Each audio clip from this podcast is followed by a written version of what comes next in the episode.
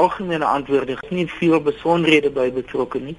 As dit kom by die opvolgvrae wat hy nie voortyds gesien het nie, dan dikwels gebruik hy humor en hy lag en so om heel dikwels uit moeilike posisies uit te kom. Wat veral daartoe sprake is is dat hy lyk baie dikwels asof hy nie baie goed ingelig is nie, dat hy nie die besonderhede het nie, dat hy nie weet watter programme in die pipeline is en wanneer hulle geïmplementeer word nie. En dit kan 'n mens kontrasteer met byvoorbeeld die wyse waarop die adjunkt president vra antwoord Cyril Ramaphosa in in in die parlement wat hy op sy voete staan en dink en baie beslis baie meer dit lyk asof hy baie beter ingelig is asof hy meer idees het ook dat hy reageer op die vrae wat aan hom gestel word. So die parlementslede se aantuiging dat Zuma nie werklik enige antwoorde verskaf nie, is nie ongegrond nie. Nee, dit is nie. En ek dink wat interessant was met gister se vrae is ook dat die die EFF beswaar gemaak het dat hy sy sy antwoorde lees terwyl die die prosedure trios van die parlement sê dat 'n persoon notas moet hê maar dat hy dit nie gedwonge moet lees vanaf 'n teks nie op daardie manier het hulle eintlik kommentaar gelewer dat hy nie op sy voete kan dink en werklik reageer op vrae nie. Daar's 'n paar knaande kwessies aangeraak Dirk. Ek dink byvoorbeeld aan waterskaarsheid en droogte en studentebetogings, die OVK aanstellings, maar dit ook 'n hele klompie ander belangrike kwessies agterweë gebly.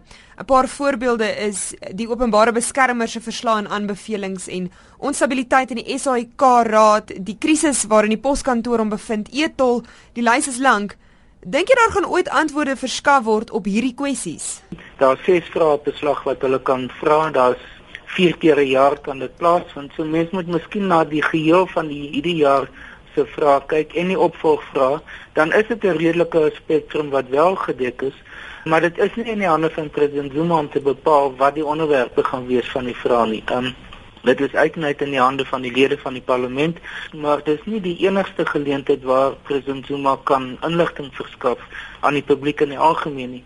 Byvoorbeeld met sy staatsrede vroeg in die jaar elke jaar is daar's ook ander geleenthede. Hy was byvoorbeeld nou in die G20 in Turkye gewees die IPSA konferensies en die BRICS konferensies en later verjaar in, die begin van Desember gaan die VOCAC konferensie saam met China plaasvind. So dit is alles geleenthede waar sekere inligting uitkom.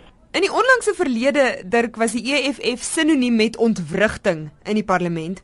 Hulle is al uitgegooi en hulle het alself uitgeloop, maar die keer het hulle wel punte van orde ingestel, maar nie amok gemaak nie.